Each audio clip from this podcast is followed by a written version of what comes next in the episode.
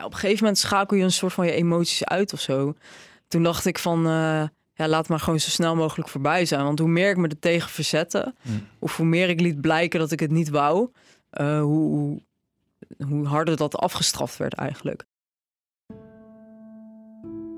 Mensenhandel en gedwongen prostitutie is een behoorlijk groot probleem in Nederland. We, we kennen de cijfers uit het onderzoek van SOA AIDS en van, vanuit Proud, de Belangenvereniging zeg maar, voor sekswerkers. Dat 97% van de sekswerkers in de afgelopen 12 maanden ehm, sprake heeft gehad van agressie. Nou, als je in hun ogen niet goed je best deed, werd je ook echt daarvoor gestraft eigenlijk.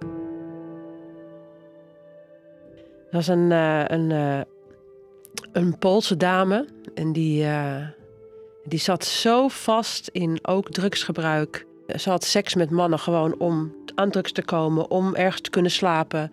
Dat, dat greep mij heel erg dat zij een keer zei tegen mij: Ja, je bent echt de enige die mij belt.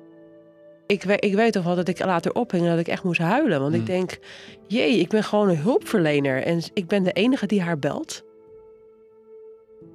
In deze driedelige podcastserie over mensenhandel en prostitutie duiken we als het ware in de wereld van prostitutie en mensenhandel. Waarom is het zo moeilijk om eruit te komen?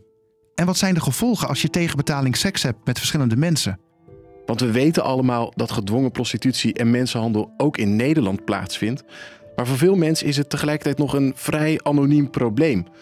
En met deze podcastreeks willen we je dat probleem als het ware persoonlijk maken. Willen we dichterbij brengen. We kijken het in de ogen.